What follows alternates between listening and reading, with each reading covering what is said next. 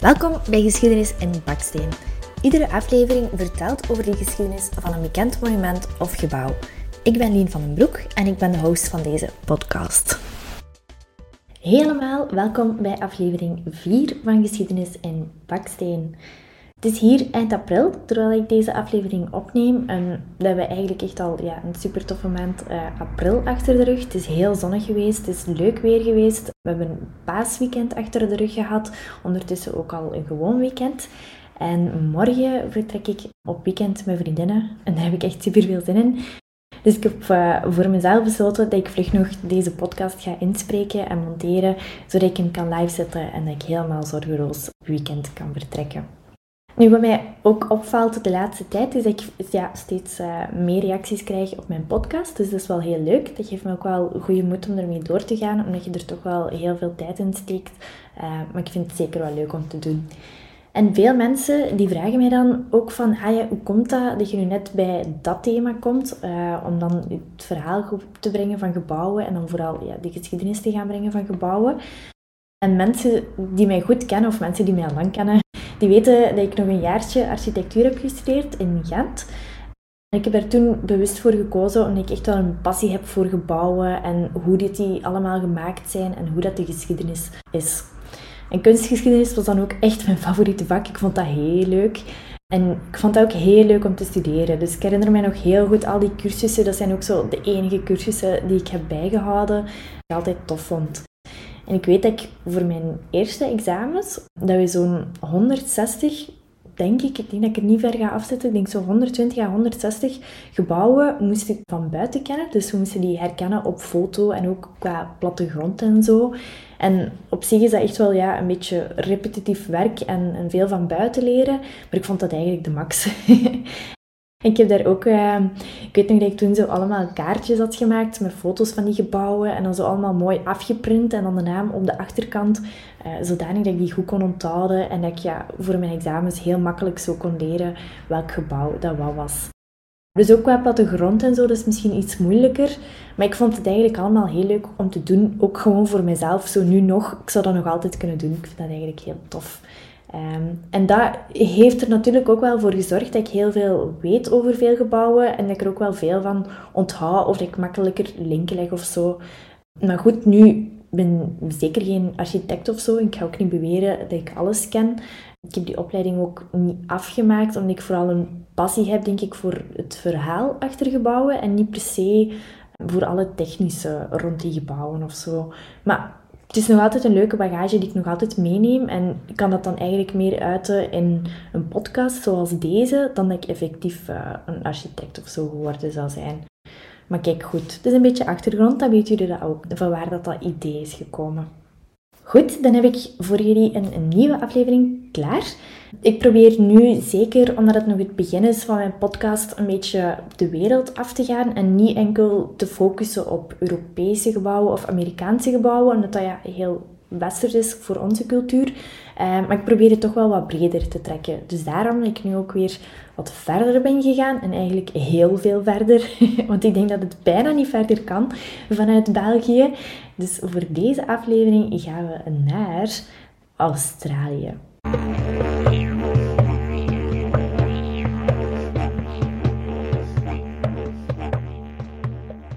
Het gebouw dat ik daarvoor wil brengen is misschien wel het meest gekende gebouw van Australië. Um, ook een beetje iconisch voor Australië, denk ik. Het is ook het, ja, hetgeen wat mij direct um, in mijn hoofd springt als ik eraan denk aan gebouwen in Australië. En dat is natuurlijk het Operahuis van Sydney.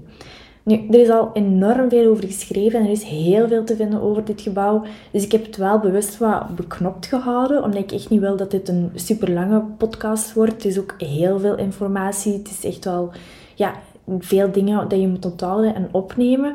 Dus het is ook niet de bedoeling dat ik er echt een, een uur ga over praten of zo.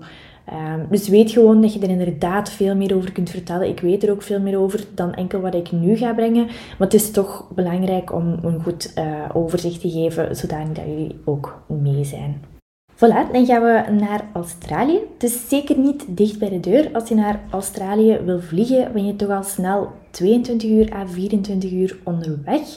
Ehm, dus dat is wel stevig als je graag Australië eens wil gaan bezoeken, maar ik denk dat het wel absoluut de moeite is. En dan Sydney, waar het gebouw ligt, dus de stad Sydney, die ligt helemaal aan de oostkant van de kust. Dus eigenlijk van bij ons gezien nog verder verwijderd eh, dan dat het in het westen zou liggen. En Sydney is een havenstad en voor alle duidelijkheid is niet de hoofdstad van Australië. Want veel mensen denken dat omdat Sydney een heel gekende stad is in Australië, maar de echte hoofdstad dat is Canberra. Dus wij focussen voor deze aflevering op Sydney. En de provincie waarin Sydney gelegen is, dat is New South Wales en dat gaat ook nog ter sprake komen in deze aflevering. Nu, als je echt eens de ligging van het gebouw goed wil bekijken, um, dan kan je dat eens doen op Google Maps of zo bijvoorbeeld, want de ligging is echt wel heel mooi, vind ik. Het is de haven van Sydney waar het gebouw ligt en dan heb je een uitmonding van de zee waardoor er heel veel kleine stukjes eilandjes zijn, waardoor het gebied echt een heel mooi effect heeft van land en water. Dus het is eigenlijk een beetje door die uitmonding van de zee, dat niet, het is zeker geen stuk strand of zo, maar het zijn allemaal stukken eilandjes die daar nog in dat water liggen, waardoor dat je zo dat effect hebt van al die kleine eilandjes die zo in het water staan. En dan het gebouw zelf staat echt zo op de punt of een, een inham in de zee. Uh, dus daardoor is het zoals je dat misschien ook wel weet van op foto, is het bijna 360 graden er rond omgeven met water. Het is dus wel verbonden met het land. Dus eigenlijk ja, een heel mini schierrennetje, als je het zo kan zeggen, voor één gebouw.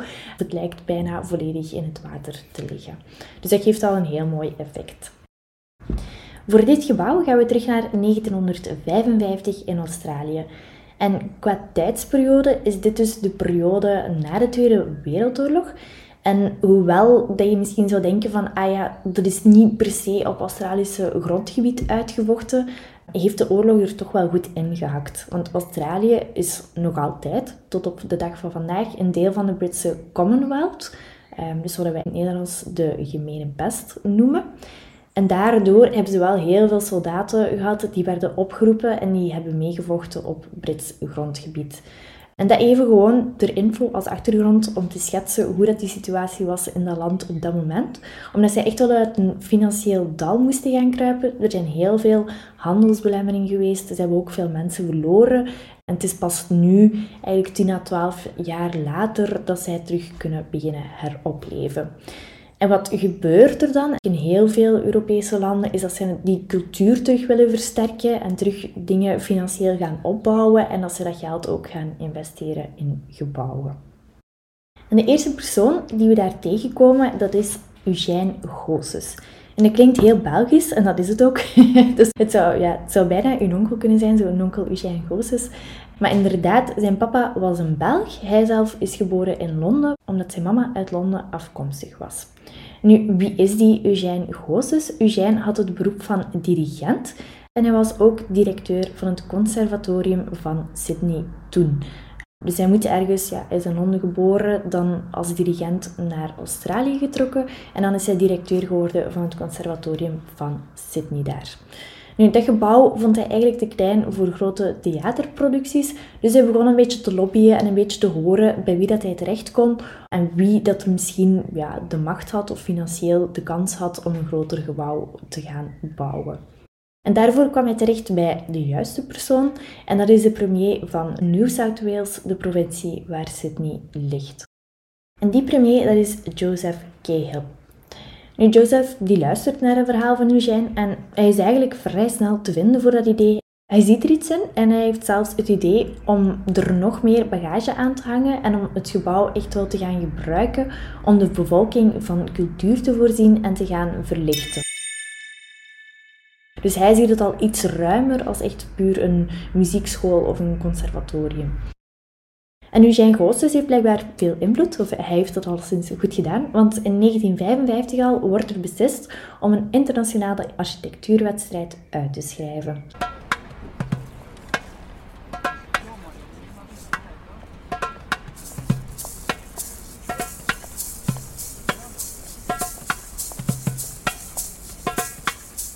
Dus het is echt de bedoeling van de regering om eens te gaan kijken van kijk, wat heeft de markt te bieden en wie heeft er een leuk idee voor hoe dat gebouw er zou kunnen uitzien. Nu, ik vind wedstrijden altijd heel interessant, want ik vraag me dan soms af van, ja, welke ontwerpen zijn er allemaal? Welke hebben het niet gehaald? Je kunt dat ook altijd eens opzoeken als je dat wilt. Ik vind dat allemaal leuk. er wordt een jaar tijd gegeven om inzendingen te doen en uiteindelijk krijgen ze zo'n 233 ontwerpen binnen. Nu, daar zat één heel speciaal ontwerp tussen en dat was van architect Joren Utzon. En dat ontwerp was blijkbaar eerst op de stapel beland met ontwerpen die ze niet gingen gebruiken. En dan uiteindelijk is het toch één architect die het toch terug heeft gelegd en gezegd van ah, we moeten dat toch bij de, bij de goede houden. En dan heeft hij eigenlijk wel echt geluk gehad, want uiteindelijk heeft hij gewonnen met zijn ontwerp. En voor zijn winnend ontwerp kreeg hij 5000 Britse pond. Nu, klinkt niet zo heel veel, vind ik. Maar natuurlijk, dat is wel 70 jaar geleden uiteindelijk al. Ehm, als je bekijkt vandaag met de inflatie, ja, wat dat bedrag waard zou geweest zijn, dan gaat dat geld bijna een tienvoud waard geweest zijn. Dus op zich, nu klinkt dat niet zoveel, 5000 Britse pond voor een architecturaal ontwerp. Maar in die tijd was dat blijkbaar wel een mooi bedrag dat hij daarvoor heeft gekregen.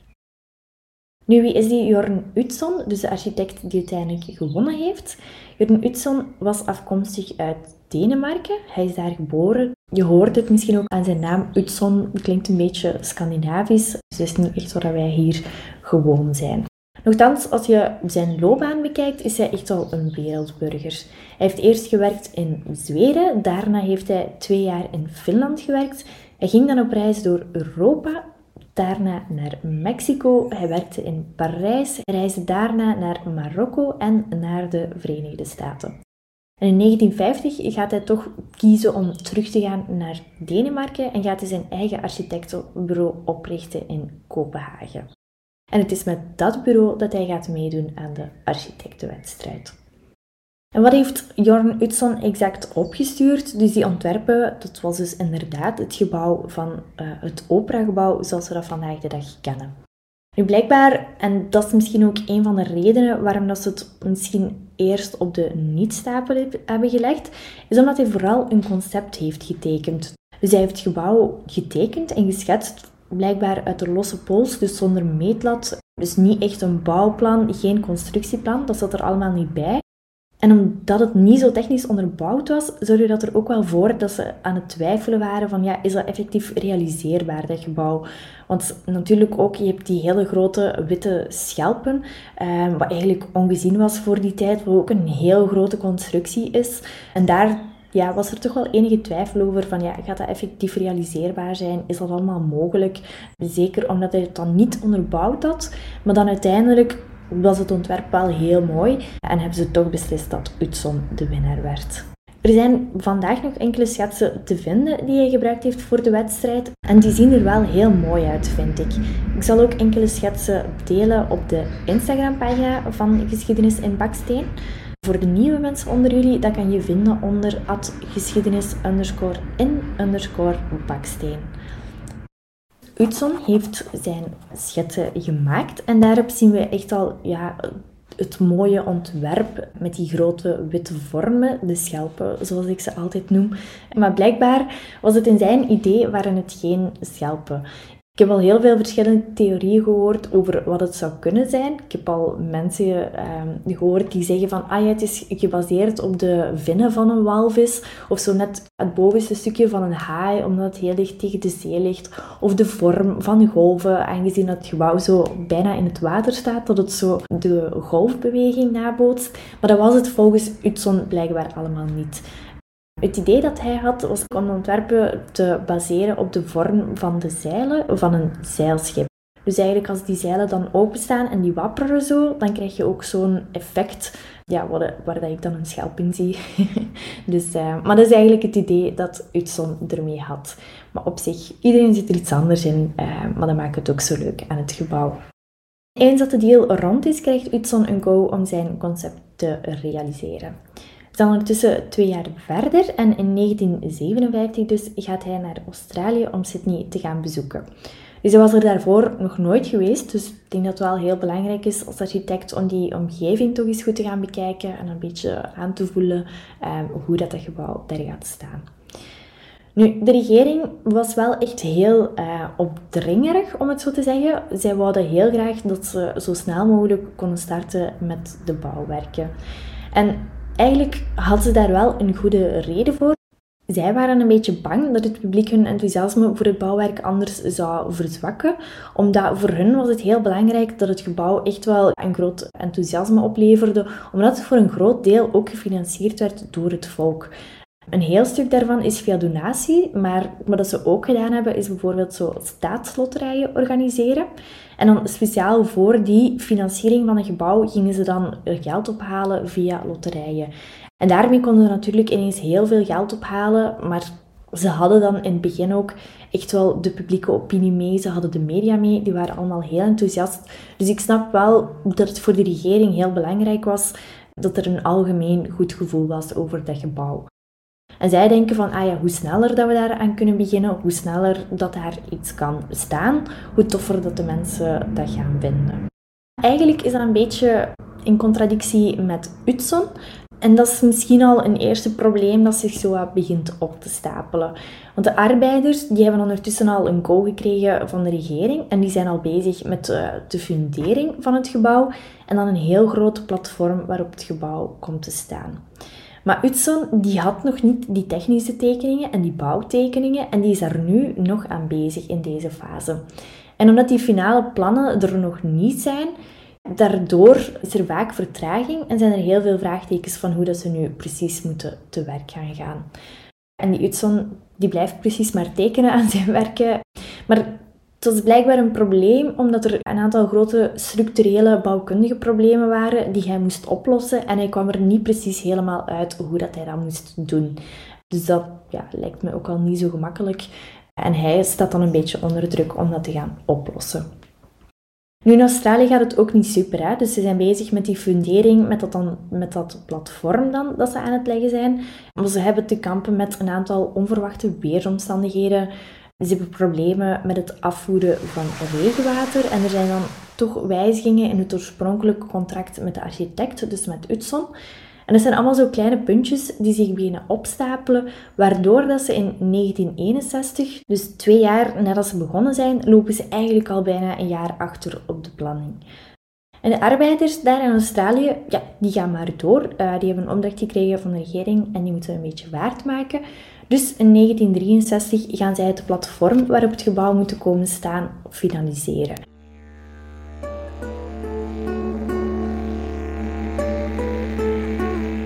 Dat is echt wel een heel groot platform. Dus je ziet dat ook goed op foto's. Dus het is niet zomaar een fundering. Dat is echt een enorm groot platform dat volledig onder het gebouw komt te staan met een grote toegang met trappen en zo.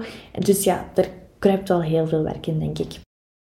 Nu, spijtig genoeg komen er dan toch de eerste problemen, want dan blijkt de draagstructuur van het platform niet sterk genoeg te zijn om het speciale dak, dus die witte schelpen die er gaan opkomen, om die te kunnen dragen. Dus dat is dan al een eerste grote probleem en het platform gaat helemaal opnieuw moeten worden opgebouwd en dat gaat heel veel tijd en geld vragen. Dus je voelt het al, het is eigenlijk echt geen slim idee van de regering om die bouwwerken te gaan pushen en snel te gaan starten.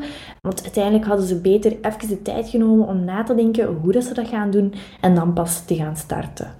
Zo van die situaties, dat doet mij altijd een beetje denken aan de mol. Ik weet niet of iemand het tv-programma volgt nu, maar het is nu zo de periode dat het net uh, op televisie is.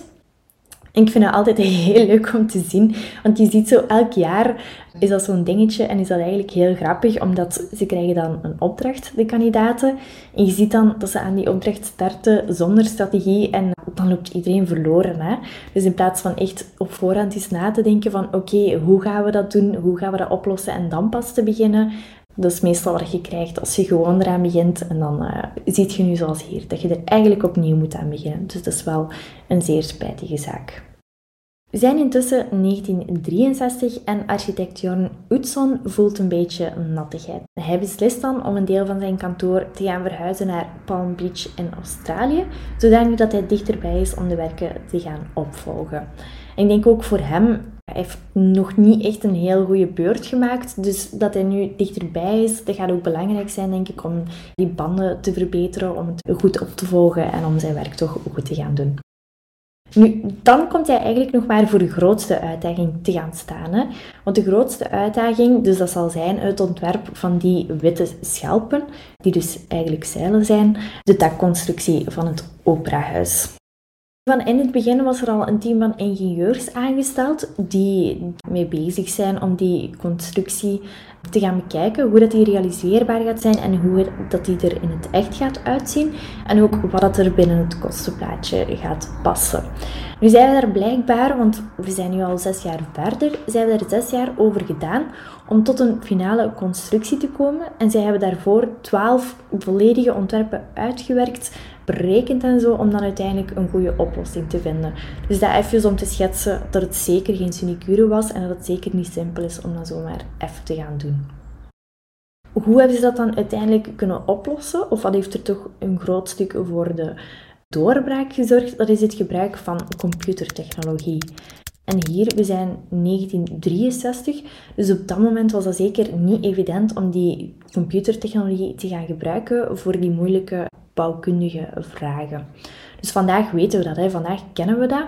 Maar op dat moment waren ze echt wel een van de pioniers en was het echt super nieuw om via die computers simulaties te gaan doen. Wat doen ze? Ze gaan gaan kijken hoe het gebouw zich gaat gedragen onder bepaalde drukkrachten en onder bepaalde omstandigheden. En het computersysteem dat gaan ze ook simultaan laten lopen met het echte bouwwerk. Dus vanaf dat ze een eerste schelp kunnen afwerken, dan gaan ze dat ook gaan opmeten in het echt. En dan gaan ze die cijfers in het computerprogramma steken, zodat ze precies mogelijk konden weten wat de resultaten gaan zijn als een eerste schelp werd afgewerkt. En dan konden ze dat ook repliceren om dan te gebruiken voor de volgende schelpen. Dus het gebruik van computers heeft het ontwerp van de dakconstructie hier echt wel een beetje gered. Want zowel de architect als de ingenieurs die zaten compleet vast over hoe dat ze dat anders moesten gaan uitvoeren. Ik heb ook gelezen dat er wel zo wat discussie was van, ah ja, wie is nu precies op dat idee gekomen om die computers te gaan gebruiken? En zowel de ingenieurs als architect Utzon, die strijken daar allebei heel graag de eer voor op. Dus ik laat het antwoord in het midden. Ik denk ook van, ja, jullie zijn een team. Het maakt misschien niet zoveel uit wie zijn idee dat het echt was. Uh, uiteindelijk, we zijn er geraakt. Dus dat is misschien wel het belangrijkste. Eens als ze wisten hoe ze zo'n schelp konden bouwen, waren ze ook vertrokken voor de andere daken. En dan werd er een schaalmodel gemaakt, zodanig dat ze het gebouw ook konden gaan testen in een windtunnel. Dus dat is wat ze meestal doen voor heel grote uh, bouwwerken. Dat zagen we ook in de aflevering bijvoorbeeld van de Burj Khalifa. Hiervoor gaan ze naar een windtunnel, niet eentje dat in Australië ligt, maar wel in de Universiteit van Engeland. Dus dat is echt dan zo'n heel grote maquette die ze gebouwd hebben. Dus ik veronderstel dat ze die aan de universiteit hebben gemaakt van Engeland en dat ze daar direct die testen gaan doen. Ik heb er zelf nog een foto van teruggevonden, van het moment waarop je die moquette dan ziet in de windtunnel, met daar dan zo een professor achter, of het, het ziet er toch een beetje uit als een professor. dus het is wel een leuke foto, het is een oude foto, maar natuurlijk, ja, het is ook die tijdsgeest. Dus ik zal dat ook na deze aflevering delen op de social media. Je ziet dan op die foto dus het schaalmodel van het operahuis en je herkent het vooral aan de schelpen, aan de witte schelpen, want voor de rest hangen er heel veel draden en sensoren op die maquette. De rest herken je bijna niet meer. Het is precies of je zo in een film zit en je zo'n hersenpan krijgt opgezet met allerlei sensoren die zo verbonden zijn met van alles. Daar doet het mij een beetje aan denken. En dan tijdens die test meten ze dus allerlei drukkrachten. Dus onder hevige windomstandigheden willen ze zien hoe dat gebouw er gaat op reageren. En dat is heel belangrijke informatie die ze nodig hebben voor de afwerking van het bouwwerk. Dat betreft voor de technische, theoretische uitleg voor het gebouw en dan kunnen ze starten met de implementatie. Het dak werd eerst gebouwd als een soort ruwbouw, dus een soort framework waar dat ze dan alle dakpanelen nog moeten op bevestigen. En het zijn die dakpanelen die de witte kleur hebben en die dan gaan zorgen voor het mooie effect van het gebouw. Dus een tijd lang, dus eigenlijk vrij lang, heeft het gebouw er echt veel minder mooi uitgezien, omdat ja, zonder dat wit van die schelpen ziet het er toch heel erg anders uit, vind ik. Hoewel ze in het begin toch wat gestukkeld hebben, vond ik de manier van werken voor het dak, dat die wel heel goed was uitgedacht. Hoe deden ze dat? Elke schelp was opgedeeld in panelen en in totaal waren er zo'n 4000 panelen. En in elk paneel worden de dakpannen ingelegd. Dus eigenlijk gaan ze zo één zeil verdelen in een aantal grote stukken en dat zijn de panelen. En per paneel worden de dakpannen erin gelegd. En in totaal zijn er meer dan 1 miljoen dakpannen. Ik heb het eens uitgerekend, het zijn er ongeveer 264 dakpannen per paneel. En was er een arbeider die beneden stond, onderaan in de trappenhal, hadden ze blijkbaar zo, ja, ze noemen het een mini-fabriekje, waar er dan arbeiders stonden die de dakpannen in de panelen konden leggen. En dan, als dat paneel klaar was, konden de mannen zo'n paneel meenemen en dan aan het dak gaan bevestigen. Dus dat is dan zo'n 4000 keer, wat zeker niet weinig is. maar het is wel handig, denk ik, als je op voorhand gewoon beneden heel mooi die dakpannen er kunt inleggen en dan per paneel uh, aan het dak gaan bevestigen. Nu, die tegeltjes zelf, dat is misschien het meest mooie vind ik aan het exterieur. Dat zijn zo die witte eh, tegeltjes die dat uitzicht geven. En die komen uit Zweden. En ze hebben er drie jaar tijd voor nodig gehad om helemaal de juiste tegel te ontwikkelen. Anders gezegd, voordat Utzon het helemaal goed vond. Want hij had natuurlijk het laatste woord over hoe dat die tegels er moesten uitzien en hoe dat dan exact gemaakt ging worden. Op foto lijkt dat misschien alsof die dakpannen gewoon wit zijn, maar eigenlijk is het dak gelegd in een soort van visgraatstructuur. Dus per paneel zie je daar zo heel mooi een visgraatstructuur in. En dan heb je afwisselend een soort glanzende witte steen en dan een soort matte steen. En dat is meer zo'n steen in crèmekleur. Je moet misschien kijken op een foto of zo, als je dat eens van dichtbij wil zien, dan zie je het heel duidelijk en dat geeft een heel mooi effect. Dus dan zie je ja, die visgraat met afwisselend glanzende witte stenen en dan meer matte crèmekleurige stenen. Dus het is echt wel, ja, ik vind het wel verrassend. Want natuurlijk, het gebouw is zodanig groot dat je dat niet ziet um, van veraf, maar van dichtbij geeft het wel een heel mooi effect. Je ziet, het gaat enkele jaren goed met de bouw. De buitenkant begint er al heel mooi uit te zien en het begint zo goed te komen met heel die dakconstructie. En zo belanden we in 1965. Dat jaar zal ook belangrijk zijn omdat er een nieuwe regering komt in Australië. En dat wil zeggen dat zij ook een nieuwe premier gaan krijgen in New South Wales. Nu, wie komt daar? De nieuwe premier wordt gekozen en dat is Robert Eskin. Eskin die had het van in het begin niet echt voor Jorn Utzon. Hij was niet zo tevreden met de manier waarop de bouw van het operahuis tot nu toe gegaan is. Hij vond ook dat de deadlines niet altijd goed werden opgevolgd, dat Utzon zijn ontwerpen onpraktisch waren en dat hij veel te veel geld verdeed en tijd verspilde met de bouw. Ergens kan ik hem misschien wel nog begrijpen uh, in wat hij zegt, want we zien wel in het verleden dat het niet altijd ja, supergoed gegaan is, dat er wel wat spanningen waren, dat Utzon misschien niet altijd delivered heeft en dat hij daardoor toch wel wat druk begint te leggen op Utzon. Wat doet hij? Hij gaat architect Utzon bij hem houden en hij gaat zeggen van ja kijk, je moet nieuwe tijdsplannen gaan vastleggen, je moet de kosten opnieuw herberekenen, want hij wil nu heel duidelijk weten van hoeveel tijd is er nog nodig, hoeveel geld is er nog nodig en hoe gaat het interieur gebouwd worden.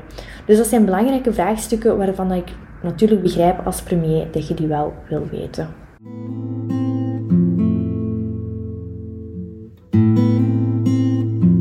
Dat gaat zo een jaartje door en ze zijn veel over en weer aan het discussiëren. Er zijn enkele debakkels.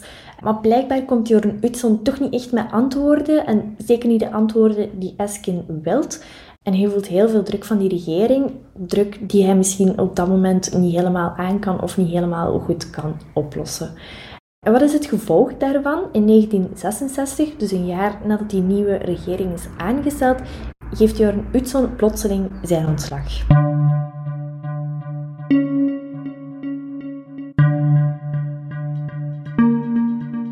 Officieel noemt hij dus zijn ontslag, maar misschien kunnen we ergens wel concluderen dat hij gedwongen zal zijn om toch ontslag te nemen.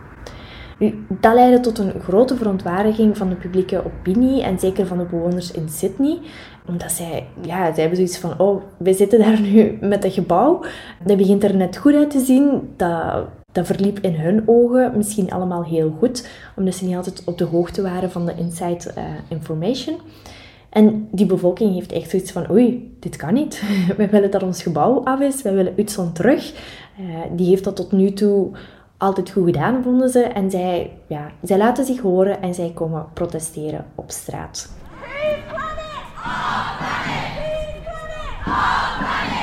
Ze menen het wel. Ik heb nog beelden gezien van um, Australiërs, echt zo'n hele bende die daar met spandoeken rondloopt en dan ja, slogans erop die zeggen dat ze Utzon terug willen. Ik zie in die beelden of die foto's die ik hier voor mij heb echt wel een grote massa die tegen het ontslag van Utzon komt protesteren. En zij hebben dan onder andere van die spandoeken met daarop Politicians cannot create architecture. Dus ik vond dat wel grappig, want ik denk dat de publieke opinie gaat zich op dat moment vooral keren tegen de regering. Uh, en die gaat in het voordeel spreken van Utzon. Ik zal ook een paar foto's delen van die betogingen op Facebook en Instagram. Ik vond dat wel een leuk, uh, leuk momentje. Utzon die denkt er het zijne van. Ik denk dat hij op dat moment er gewoon even genoeg van heeft en hij vertrekt met zijn familie uit Australië. De regering die wil natuurlijk niet bij de bakken blijven zitten en ze gaan op zoek naar een nieuwe architect. Ik heb gehoord dat ze eerst twee vooraanstaande architecten binnen Australië hebben aangeduid, maar dat die toch gezegd hebben van nee, we gaan het niet doen.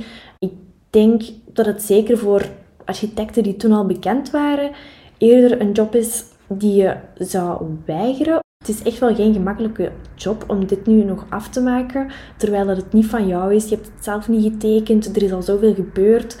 Uh, om dan nog te gaan zeggen dat je het wel gaat doen, moet je eigenlijk al heel veel lef hebben op voorhand. Je komt er uiteindelijk uit de bus. Dat is een toch uh, vrij jonge op dat moment beloftevolle architect uit Australië en dat is Peter Hall. Nu, ik zeg vrij jong, op dat moment is hij 35 en voor een architect is dat toch nog een vrij jonge leeftijd om zo'n grote constructie onder handen te gaan nemen. En als je een foto van hem bekijkt, van die Peter Hall, hij ziet er een beetje uit als een professor, vind ik. Het ziet er echt zo iemand uit waarvan je het gevoel hebt dat hij heel slim is.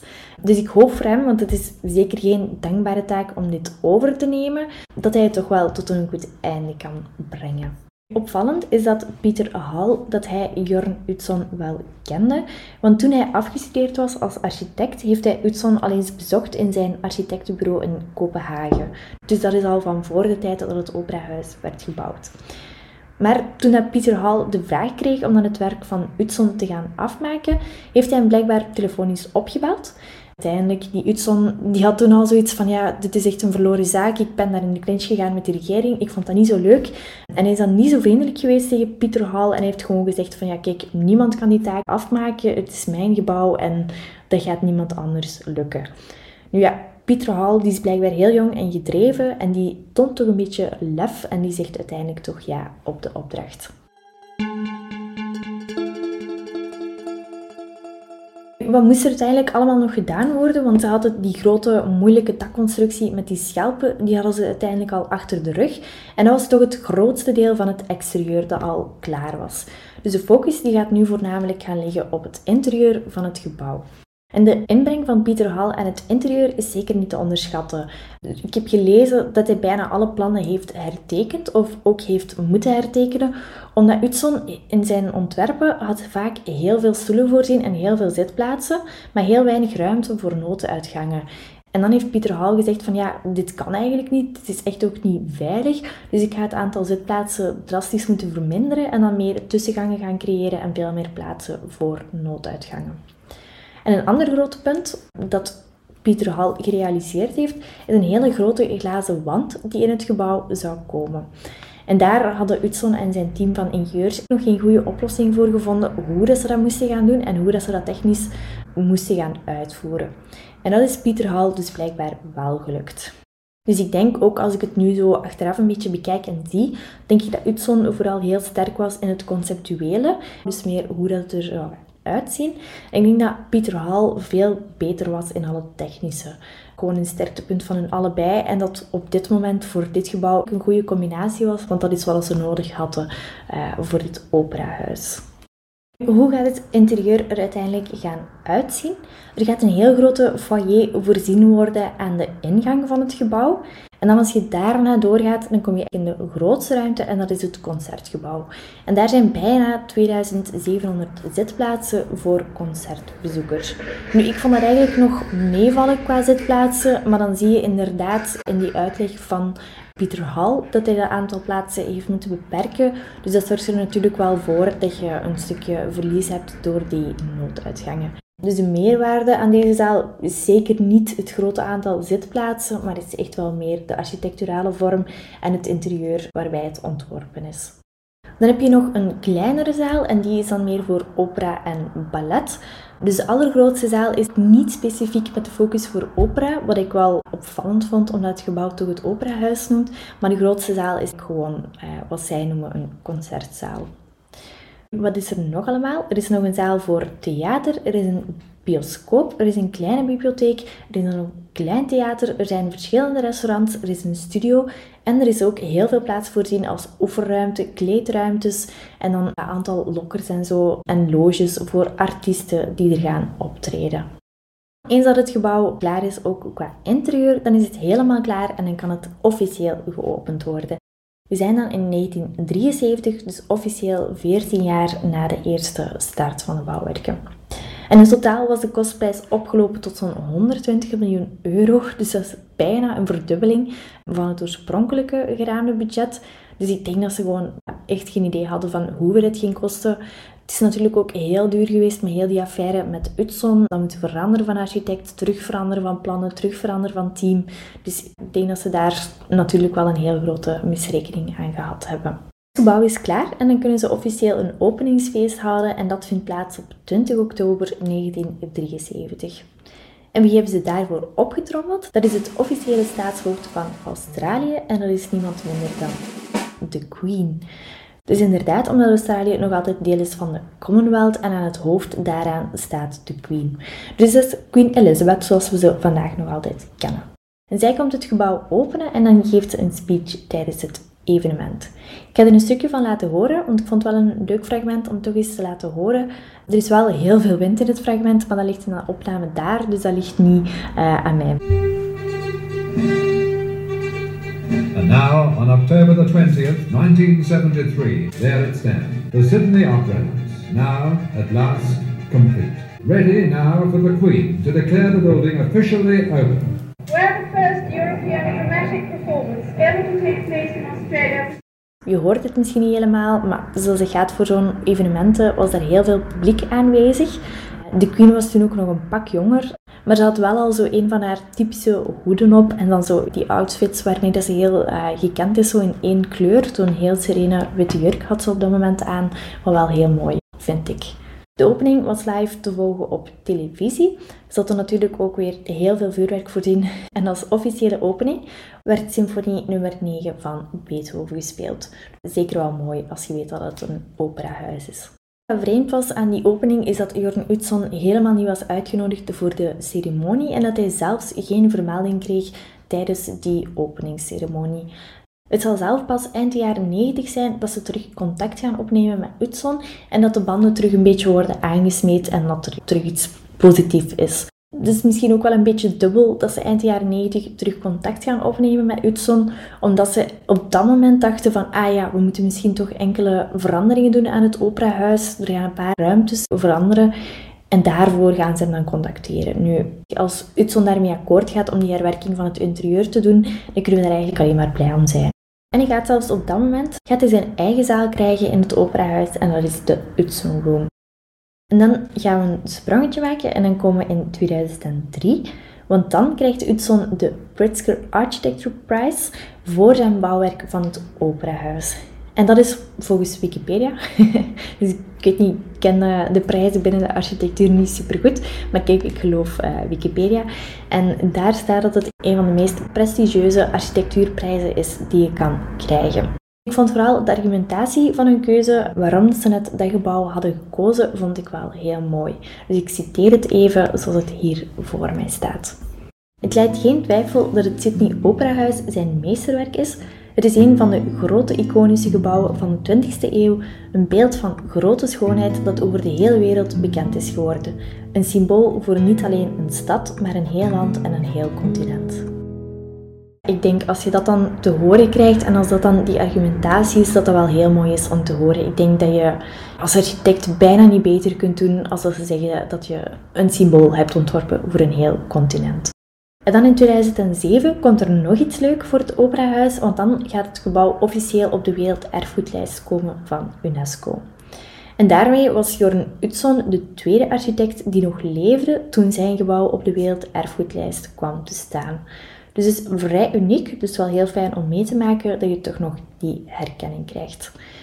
Pieter Hall, die was wel al gestorven, die is gestorven in 1995 en hij wordt heel vaak vergeten als architect. Dus dat is misschien wel een beetje jammer ook hier, want hij hoort er zeker ook wel bij. Nu, op die lijst komen van UNESCO, wat houdt dat eigenlijk exact in? UNESCO is een heel grote overkoepelende groep over alle landen ter wereld die ervoor gaat zorgen dat gebouwen beschermd worden op allerlei mogelijke manieren. Dus dat kan zijn bescherming tegen vernietiging, bescherming in tijden van oorlog. Uh, zij gaan geld voorzien voor restauraties enzovoort. Dus eigenlijk is dat wel heel positief, vind ik, dat zo'n organisatie bestaat die ja, zich echt gaat bekommeren over die gebouwen. Nu, er zijn zeker wel een aantal voorwaarden waaraan ze moeten voldoen voordat ze op die lijst kunnen staan voor UNESCO. En een heel belangrijke voorwaarde is dat het moet gaan om unieke gebouwen die een groot cultureel belang hebben. Natuurlijk, het is heel ruim interpreteerbaar en het zijn er ook wel uiteindelijk heel veel hoor. De gebouwen die daaronder vallen, maar op zich is het Operahuis wel een van de bekendste, denk ik. Dat is in grote lijnen het verhaal van het Operahuis, dat ook een heel groot concerthuis is, blijkbaar. Ehm, en er zijn ook al heel veel bekende performances geweest die in de concertzaal hebben opgetreden. En de bekendste daarvan, denk ik, ehm, dat zijn Prince onder andere, de Foo Fighters, Tame Impala en Michael Bublé. Nu, er gaan er ongetwijfeld nog veel fantastische artiesten volgen en er gaan er heel veel zijn als je misschien opzoekt uh, die je nog gaat kennen, maar ik heb er nu gewoon enkele uitgepikt die daar al opgetreden hebben. Het lijkt me alvast een heel leuke ervaring om er eens te gaan doen. Ik zou het heel graag eens meemaken. Ik heb al gehoord dat de tickets niet zo goedkoop zijn, maar dat zal natuurlijk heel sterk afhangen van welk concert dat je er gaat doen, uh, welk opera dat je wil volgen. Dus ik denk dat het zeker wel eens de moeite is als je daar iemand kan meemaken om zo eens een concert te gaan meepikken. Dat was het voor deze. Dus ik zou zeggen, blijf de Instagram en de Facebookpagina in de gaten houden. Want er komt binnenkort terug wat leuk uh, beeldmateriaal voor deze aflevering. En dan kunnen jullie ook altijd, als jullie daar zin in hebben, feedback geven. Uh, of me laten weten wat jullie ervan vonden. Dan wil ik jullie nog een fijne dag wensen. Bedankt om te luisteren. Tot de volgende en ciao!